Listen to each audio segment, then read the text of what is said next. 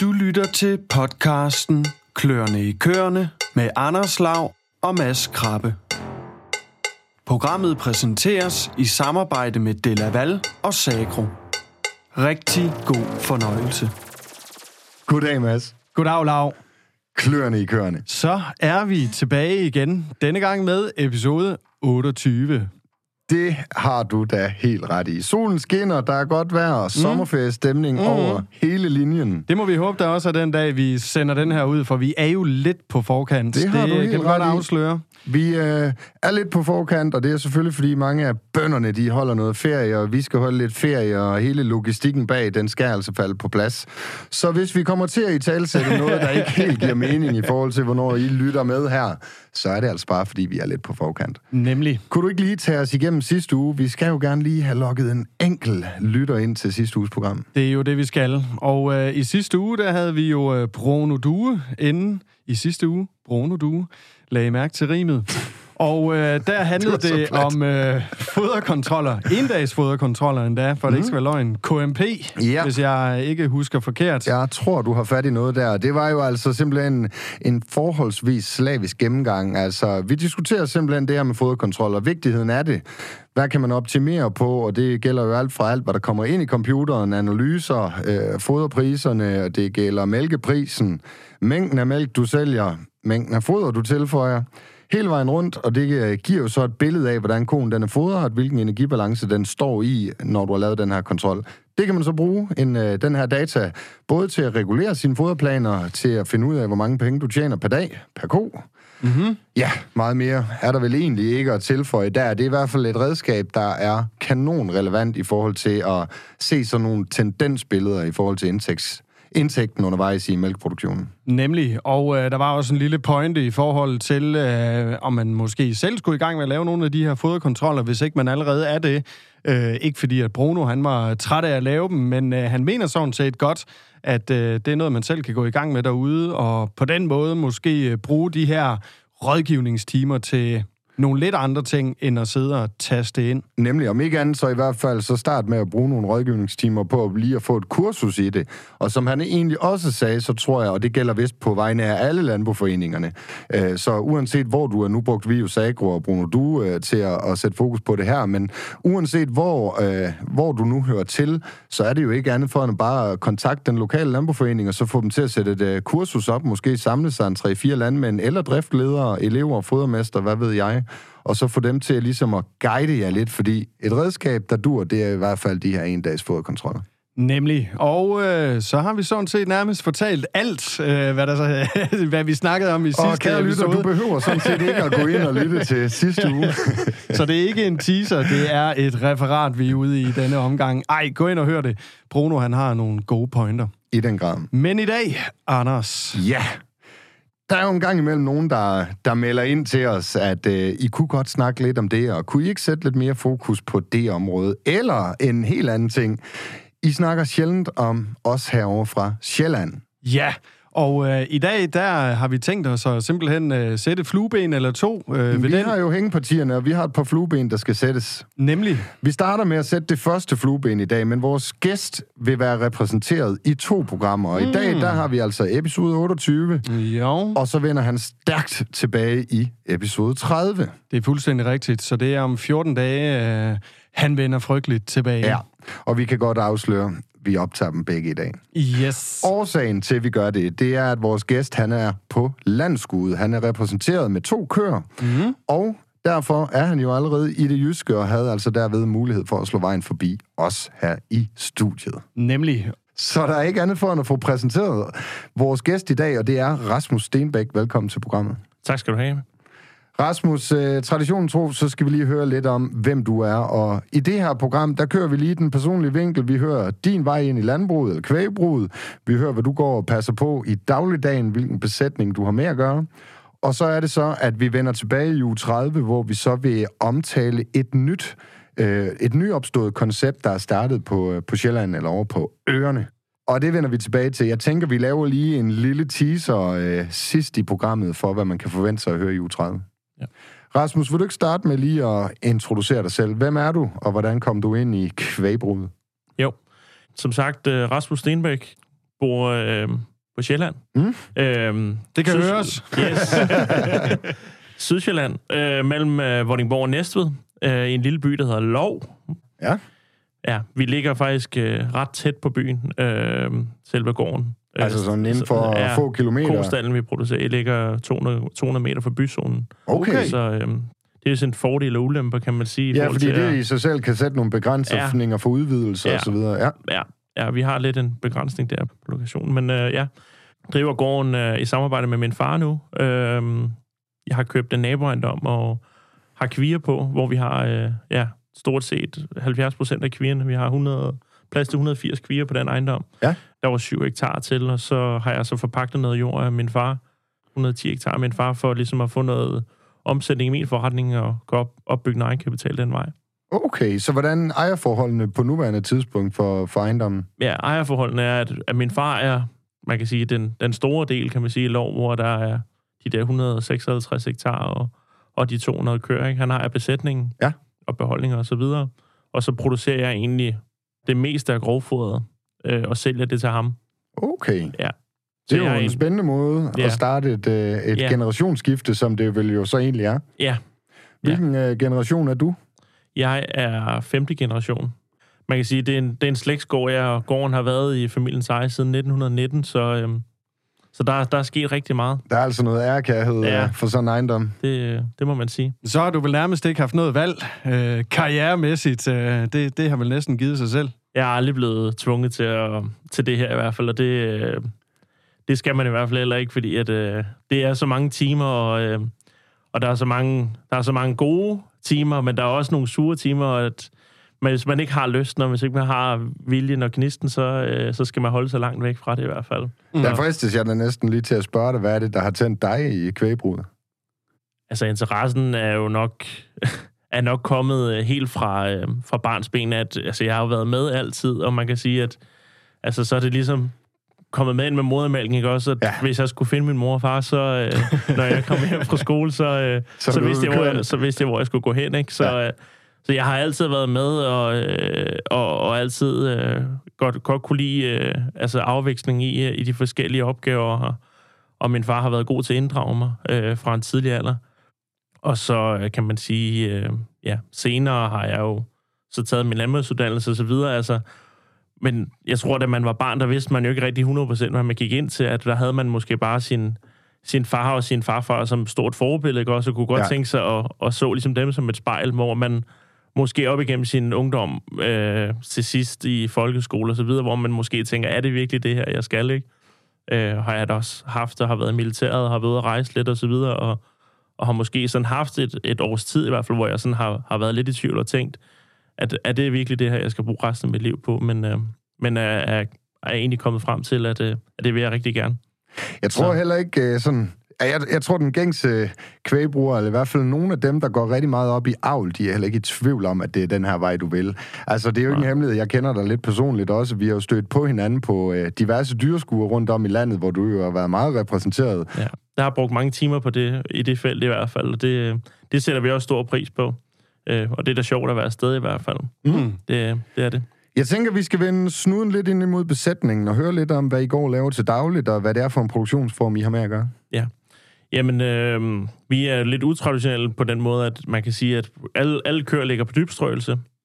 En gammel dybstrøelsestal fra 97, så det er ikke noget nyt og fancy, kan man sige, vi malker i, men Det fungerer. Vi, vi påstår ved os, at der er faktisk ikke bygget en bedre stald siden, siden dengang, at øh, der er blevet bygget nogle stalle, der er bedre for menneskerne, der passer køerne, ved de ikke er lige så arbejdstunge, men, men for køernes sundhed og deres velfærd er der ikke bygget en stald, der er bedre end en dybstrøelsesstald, i min optik.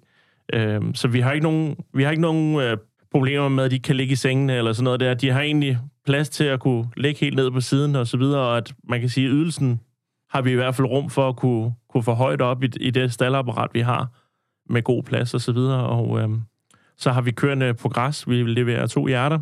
Yes. Øhm, så vi kører afgræsning ikke? Med, øh, med sådan en øh, 15-20 folde jo. Afhængig af, hvordan at vi lige flytter alt det flytbare hegn. Men øh, ja, så det går der også lidt tid med nu her om sommeren.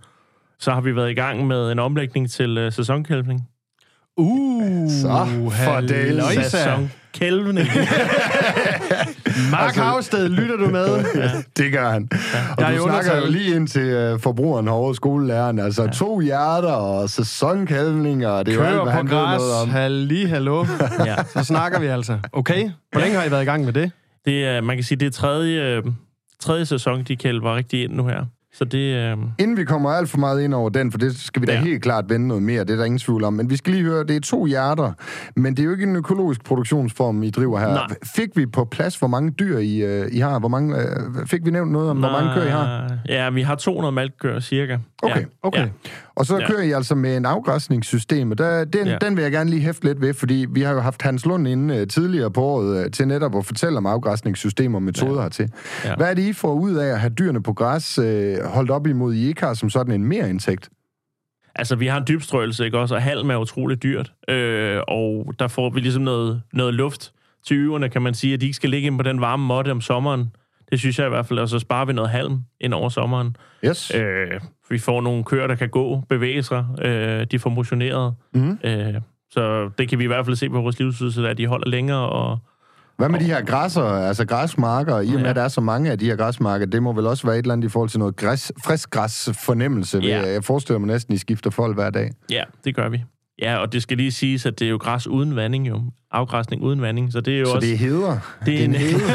det kan det være. Det kan det være. Selvantændeligt.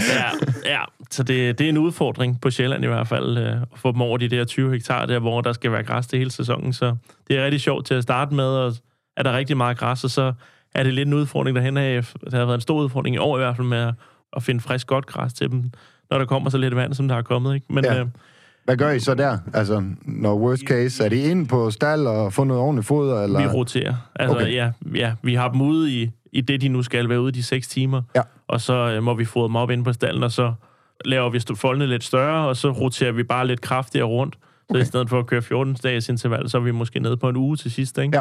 Så vi hele tiden roterer hurtigere rundt over foldene. Men ellers er I glade for, for afgræsningen? Ja. Føler I får en mere indtægt i mælke, mælkeformatet, eller er det, er vi, det en... vi får et højere tillæg, ikke? Men, men det, altså, man skal godt nok være, være skarp for at kunne holde, holde ydelsen. Øhm, nu, øhm, nu har vi... Før der havde vi bare to store folde, vi bare havde lukket ud på for, for et par år siden. Øh, og vi har fået dem ude på, på, øh, på foldene også øh, om, om natten og haft dem gående ude og så videre. Øh, og det, det kunne vi godt se til sidst, at det, det taber vi tabte vi altså noget mælk på.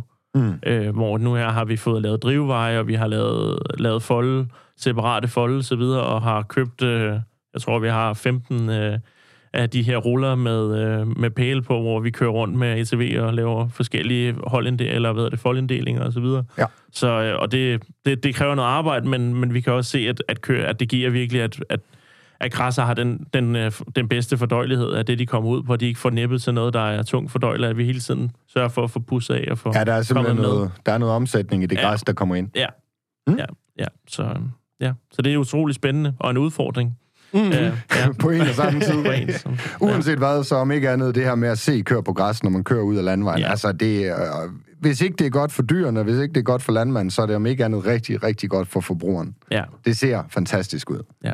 På nær, når det pis regner, eller solen med 35 grader, og de bare står i en stor klynge og venter på at komme ind på stald. Ja. Det er jo også en af bagsiderne. Ja, nu her, vi bor så tæt på byen, man kan sige, vi har faktisk nogle folk, der ligger helt ned til sådan et lille villakvarter, der er langs, øh, og de går helt langs, langs den landvej, der kører igennem byen, ikke også? Så når folk kører igennem byen, så kan de så se de der Ej, 170 køer, der går dernede og græsser, ikke? Det er fantastisk. Ja. Hvad siger, siger, kommer der kommentarer fra byen på det? Eller? Ikke, øh, og de går jo næsten helt ind i deres have jo. Altså, at de går, de går og græsser op til, op til flere villahaver, ikke? Men, øh, Det kan da godt det- være, at I skal tilbyde en øh, plæneklipning der. Ja. ja. Ej, det kan godt være. Så kan, det, så kan det godt være, at vi, kommer til at høre lidt. Der skal bare lige være et hul i hækken derinde. Ja, nu har hun taget med kartofler. Ja, ja. Uh, scheisse. Altså, jeg kan ikke lade være med at tænke på, øh, nu sidder vi jo øh, herovre i det vestjyske, og øh, der, der er der jo øh, måske øh, lidt flere øh, køer per indbygger, end der er øh, på Sjælland. Øhm, har man sådan, altså tænker du også, at de har en, en eller anden form for forpligtelse, eller giver, er, der, øh, er der noget, der hænger sammen med at bo på Sjælland og have de der køer på græs? Er der flere, der vælger at gøre det? Jeg tænker, I er tættere på øh, beslutningstager, I er tættere på storbyen også, hvor... Øh, øh hvad kan man sige, folk måske har en lidt anden øh, opfattelse, lidt større distance til, til det her landbrug, eller er det bare noget, I gør af, af praktiske årsager, økonomiske årsager?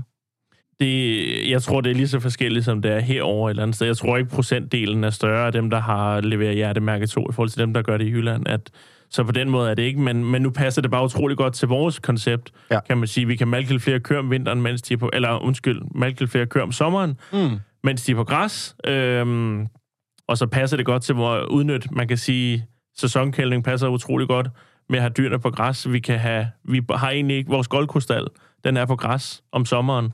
Vi bruger ikke nogen stald til at opstalle goldkøer hele, i, i vores system. Mm. Så vi kan, vi kan få en utrolig god udnyttelse af vores rammer ved at have dem på græs, så det passer godt ind i vores system. Så, og så jo, selvfølgelig er det da en nydelse at se køerne gå ja, ud, det øh, ser ud på græs, ud. og det er da ikke noget sjovere end at lukke dem ud der klokken 7 om morgenen og, og se dem ligge derude og mm. hygge sig. Ikke? Ja.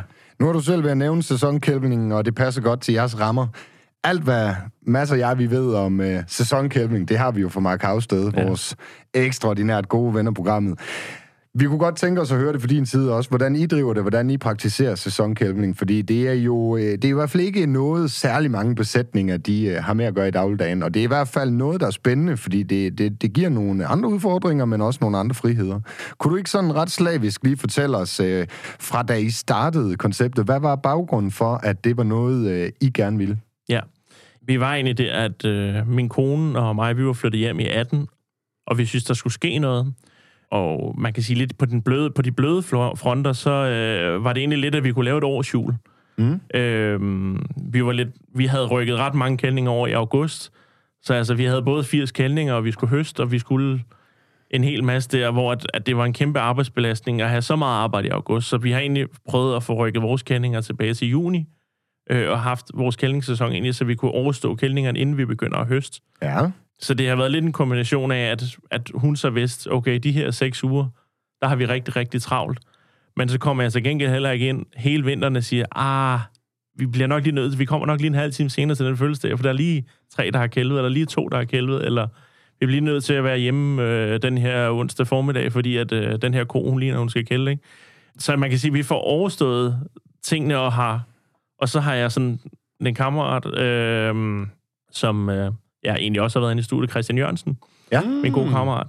Hvor vi har snakket om, også med, med så få køer, hvordan kan vi egentlig prøve at hamle op med, med de bedste, eller hvordan bliver man egentlig nogle af de bedste? Og så mit syn på det var egentlig, at jeg kan bare se, okay, jeg skal have fokus på, på måske 15 ting, altså fokusområder hele året rundt, ikke også? Hvor at i sæsonkending, der skal du have fokus på nu i øjeblikket skal jeg have fokus på de kalde ud og sørge for, at min kører ikke får kældningsfeber, og at, øh, at de kalde her, de overlever. Og når det er kørt ind, og køerne har kælvet, så skal jeg jo egentlig bare begynde at have fokus på at få de kører her med kald. Mm. Og have kaldene fravendt og så videre. Og så, øh, og så er det jo egentlig bare at malke, kan man sige, når de er blevet med kald. Så er det bare at malke dem færdige ind til, til goldning, ikke? Så et eller andet sted, så det forsimpler årsjulet? Ja, det forsimpler årsjulet, og du ved, hvornår du har, hvornår du har belastning, ikke også? Og kan måske også i vores øh, bedrift kan vi måske også lige ansætte en, en mand mere nu her fra 1. juni til, øh, til vi når øh, ja, til jul. Ikke? Så på den måde kan vi hyre en ekstra mand ind, vi egentlig kan, så kan man sige, at nu passer det meget godt med elever, der skal på skole omkring januar. Så på den måde hænger det også meget godt sammen. Mm. Men hvordan så rent praktisk, hvordan håndterer I det? Nu nævner du lige, at I er ved at tage imod en hel masse kalde lige i øjeblikket. Kunne du prøve at tage os med lige igennem, hvordan fungerer det rent praktisk øh, med sæsonkævlingen, og hvordan har I det måske sådan også lidt om opstaldningen, fordi jeg går ikke ud fra, at I bare kan nøje sig 200 køer, hvad er det, altså 20 eller 30 kal, kal, øh, kalbokse, eller, mm. eller fem kalvogne med, ja. med plads til en fem stykker. Der, der, det er nogle andre rammer, der skal ligesom ja. en, et andet setup til. Ja. Vi har så Goldkustallen, øh, hvor goldkøerne har gået før hen om vinteren på cirka 300 kvadratmeter. Ja. Øh, og der har min far så været i gang med, øh, i år er egentlig første år, vi får sådan sindssygt mange kalde, meget koncentreret. Ja, I kører på tredje år nu? Det er faktisk nok andet år, okay. reelt, ja. ja okay. For første år, der havde vi jo... Sådan en implementeringsår. Hvor, ja, hvor vi besluttede os. Ja. Og der havde vi de 80 kældninger i august. Ja. Det år, vi egentlig besluttede os. Så det er, det er sådan ja, ja, andet, andet reelle år? Andet reelle år, ja. ja. ja. Øhm, så det år har vi haft, øh, har vi haft 85 kællinger de sidste tre uger i juni. Det er jo sådan forholdsvis mange i forhold til 200 køer. Øhm, men der har min far så været i gang med at svejse med hans inventar, og egentlig lave, så vi kunne have 120 kalde nede i, øh, i den goldkustal. Okay. Mm. Så de, går, øh, de kalde, de går så opstald i hold af 20, og så øhm, har vi egentlig øh, sådan nogle suttetbar, Ja. mælkbar, hvor der så kan sidde 10 på gangen. Og så, øhm, det, det der er lidt udfordring, det er jo, jeg kan ikke, jeg synes ikke, at det kan berettige, at jeg kan gå ud og købe en, en mælktaxe til 150.000, når jeg kun skal bruge den i to-tre måneder om året. Nej. Så jeg har egentlig øh, købt sådan en fiskekasse med termometer i og en, og en røre på, og så kan der være 1000 liter i den. Ja. Øhm, og så øh, kan jeg egentlig øh, give de der, der kommer 100 og, 170 kalde, ikke? gange 3-4 liter. Så, Inden for hvilken måned? Altså to måneder så? Ja, de kom, der kommer 100, og de første 150, de kommer i øh, de sidste tre år juni, og så, og så juli. Okay. Ja. Og så kommer der lige 28 i august. Og det er sådan et opfølgningshold, eller Ja. tredje heat, hvis man kan kalde det det. Ja, det kan man sige. Det, det er den sidste inseminering, ja, der kommer ud i august måned. Ja, for I kører det over, er det tre brundscykluser, ja I kører tre grundcykluser får de lov at få. med ønsket om to egentlig? Ja, nej, jeg med ønsket om et. Med ønsket om et selvfølgelig. Sporten, sporten er jo... altså, helt humlen er med det her, det er jo, at jo flere, jo flere køer, du øh, kan have de første tre uger, jo bedre er det. Ja. For jo flere, jo flere chancer har du også, og jo bedre passer de ind i systemet. Mm. Ja, så det er jo de køer, der er ude i halen, det er altid dem, der bliver slagtet jo. Hvordan kører I den proces der? Altså, jeg tænker, første, første omgang, når der Eller skal insemineres, øh, det, altså første omgang, når der skal insemineres, det er selvfølgelig garanteret helt traditionelt med, med inseminøren eller jeg selv, øh, der. Ja. der håndterer det. Men det giver jo selvfølgelig en hulens masse brunster i perioden. Ja. Men hvordan ellers? Altså, er I ude og, og sprøjte i brunst for ligesom at synkronisere, eller hvordan fungerer det, de her tre perioder? Ja, øh, ja, vi har egentlig lidt øje på dem, man kan sige, en 14 dage, 3 uger inden. Øh, jeg begynder ikke at kigge på dem så meget egentlig inden, øh, altså lang tid inden. De, de, de skal egentlig have lov at rense og så videre, og, og have de cykluser, de nu. Og så går jeg egentlig og holder øje med dem øh, tre uger inden vi stort set går i gang der. Og så finder vi egentlig ud af ugen op til cirka, øh, at vi så øh, har haft gode erfaringer i at lægge spiraler i Ja. hvor vi så lægger en spiral i konen øh, en uges tid der, hvis ikke hun har, har vist noget og så videre. Så får hun den, og så, så piller vi den ud efter de der en 6-7 dage, så vidt jeg husker. Ja. Ja. Men det er jo så på de dyr, I Og så ikke har set det- brunster på Ja. op til. Ja. Har I noget management-system til at hjælpe jer, altså Vi heat time eller et eller andet? Ja, vi har købt øh, Sensop, Ja. ja. har vi fået i år.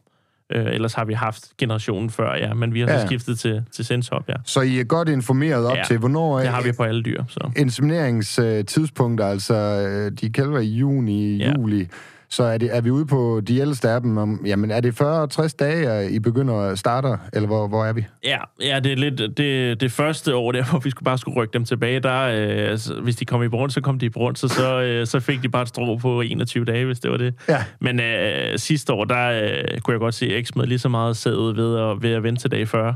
Ja. Så altså, selvom at vi rigtig gerne vil øh, sæsonkældning, så, øh, så synes jeg heller ikke, at... Øh, altså, så synes jeg også, at det kønssorterede sæd, det er for dyrt, til vi bare smider det ned igennem spalterne i hvert fald, og opnår en drægtighedsprocent på, hvad, en 30-40 stykker eller sådan noget. Ja, mm. ja. Mm. Bruger I kønssorteret stort set på hele Ja, besætningen? ja det gør vi. Vi, øh, vi bruger, øh, ja, hvad, en 60-70 procent kønsudtaget på køerne, og så 100 procent på kvierne.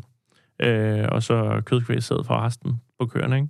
Og ja, der kan vi jo passende lige lave en teaser mm. til, uh, til uge 30, hvor vi ja. Vender tilbage, fordi de her kødkvægsdyr, I, uh, I producerer, det er Ja. lige præcis dem, vi kommer til at omtale noget mere Ja. uh, i den kommende udgave sammen med dig. Ja. Nemlig. Men, øh, men ved jeg egentlig har købt en anden ejendom, og vi egentlig bevidst har kørt med øget opdræt, så har vi egentlig haft god succes med at, at kunne sælge, øh, sælge en 60-70 øh, dyr til levebrug i forskellige aldersgrupper, om det er lavdrægtige kvier, lakterende køer, øh, øh, højdrægtige kvier. Det, det har været meget forskelligt, men, øh, men vi har egentlig haft god succes med at kunne komme af med dem.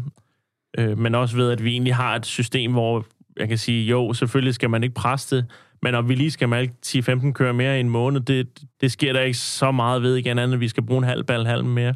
Så på den måde er det også lidt mere fleksibelt, synes jeg, i vores system. At, øh, og så har vi på græs, ikke? Ja. Øhm, så på den måde, så, så har vi egentlig, selvom at der måske har været lukket lidt på markedet ved at sælge kvier, så har vi bare haft de kvier til at kælde ind, og så selv dem som, som førstkaldskører i stedet for. Jeg er nødt til lige spørge til sådan noget som udskiftningsprocent eller slagteandel af, af dyrene, fordi når man har så snæver en periode, øh, tre cykluser, hvor, og så får de altså ikke flere chancer, øh, hvordan, hvordan håndterer man det, og hvor meget er I nødt til at sætte ud i løbet af sådan et år? Jamen, jeg har faktisk haft held med at kunne sælge dem, der ikke har passet ind. Men vi ligger på, jeg tror lige på, som lige nu, der ligger vi på omkring et par 20 procent i slagteprocent. Okay. Vi har ikke ligget over 30 Nej. øh, i de sidste tre år i hvert fald. Nej, hvis man benchmarker, så er det ikke sådan, at der er en overdrevet... Øh, Men vi har jo så enhed ligget på der. en, med en udskiftningsprocent nogle år på omkring 65 ikke også, procent, fordi at vi har jo sat sådan en stor andel kvier ind jo, Ja. som vi så har solgt ud af igen jo. ja, så har I Så solgt der- nogle af dem, der vi ikke passet i kigger på listerne, så skal man lige tage det, tage det lidt sådan med... Det vil være sådan en case, hvis man sendte den til landbrugsskolerne, de skulle skrive rapporter om ja. Ja. den, så vi får en stor kritik for øh, ja, udskiftningsprocenterne. ja. Men er det et fokusområde, altså kan I få det længere ned øh, de næste par sæsoner, eller hvad, hvad tænker du, er det der omkring, det kommer til at ligge? Jeg tror, det er mere normalt, at man ligger på i hvert fald en 30, en 30 procent, i hvert fald i slagteprocent, tror jeg det. Ja, Hvad tænker det du? lyder ikke sådan umiddelbart, som om I slagter øh, voldsomt ud. Det tyder på, at dyrene de holder der længe, men selvfølgelig er der en højere udskiftning af besætningen, fordi I, det er jo sådan i ryg, det skal Ja. sættes ind. Det er jo ikke sådan, at der kommer en løbende dyr her, et løbende kvi her. Så, og så selvfølgelig, når I er nødt til at sælge en ko, øh, så øh, fordi den ikke passer i cyklusen, så sætter I en ny ind i stedet for, der så passer ind. Mm. Det vil alt andet lige nok påvirke udskiftningsprocenten. Ja. Modtaget. Ja. Sådan, Rasmus, afslutningsvis, øh, vi har snakket om en del ting. Vi har både været i gang øh, igennem afgræsning, øh, hjerteordningen, men så især til dels den her øh, sæsonkælvning. Jeg håber selvfølgelig, hvis der er nogen, øh, der sidder og lytter med til programmet, der er blevet nysgerrige på det, at de må øh, tage kontakt til dig eller skrive til dig på Messenger, hvis de har nogle opfølgende spørgsmål, for vi har ikke mere tid. Men kunne du ikke sådan lige på faldrebet... Øh, kunne du ikke lige dele øh, sådan, dine erfaringer, eller i hvert fald måske et tip, eller noget, man skal være opmærksom på, hvis det er den vej, man øh, kunne have interesse i at gå? Man skal jo selvfølgelig have øh, et staldsystem, som passer til, til det her. Altså man kan sige, vores store fokus er, at vi har rigtig meget areal på dybstrøelse, som er meget fleksibel opstillingsmæssigt. Så det er jo heller ikke alle steder, det passer, kan man sige, men, øh, men lige i vores tilfælde gør det. Og så skal man da selvfølgelig være indstillet på, at, øh, at, at, at man skal have den der, øh, det, det ekstra der lige i kældningsperioden nu her. Altså nu kører vi på, på uge 3, er vi i gang med nu her, og øh, det, det kan man godt mærke, Mm. at, øh, at vi har fået mange kalde nu her. Øh, men øh, så kan man sige, det er jo heller ikke, øh, det er jo heller ikke mig, der som sådan har startet det i Danmark. Altså nu er det jo hemmelighed, at vi bor en 7 km fra, fra Søren Madsen, Ja. som øh, egentlig er vel en, den første sæsonkælder, som rigtig har, mm. har implementeret det i Danmark. Og øh, Sæsonguruen. sæson, sæsonguruen, ja. Og, What a øh, name. og, øh, og han, øh, hans lillebror, øh, som har arbejdet der øh, som driftleder i rigtig mange år, har så været ansat som konsulent over på Sjælland og har hjulpet os i gang med det. Okay. Så, øhm, Så også en relevant person at tage fat i, Ja. hvis man er Ja. interesseret ja, i det. Ja, Jens Madsen, han har, øhm, han, har, han har hjulpet os rigtig meget i gang med både afgræsning og sæsonkending, og har sparket lidt til os og fået os lidt ind i den retning. Mm. Så Aller sidste spørgsmål. Fortsætter I med at have sæson, Kevin? det, det gør vi. Det gør vi. Super. Jamen, øh, så blev vi øh, klogere på øh, sæsonkælningen. Øh, jeg er nødt til lige at få det sagt her til sidst. Øh, og man skal altid ud og kigge på stallen og se, om det kan lade sig gøre, og så få nogle dygtige folk Vi i må ryggen. heller lige drille Mark lidt og sige, øh, i forhold til, hvad vi lige har hørt her, så uh, Mark, han driver der vist nærmere en kvartals kælvning. Det er i hvert fald en lidt længere periode. Han, øh, han kæler. Han kæler med dyrene. Yes. Yes, Og det så, var... endda med, og så endda med 60 køer. Ikke? Altså, det kunne man da næsten forestået på, ja, på en uge. Ikke? Ja, Ja, ja. ja. Vi håber, du lytter med, Mark. Så er den i hvert fald givet videre. Det var altså denne episode, episode 28. Der er ikke andet for end at sige tak, fordi I lytter med.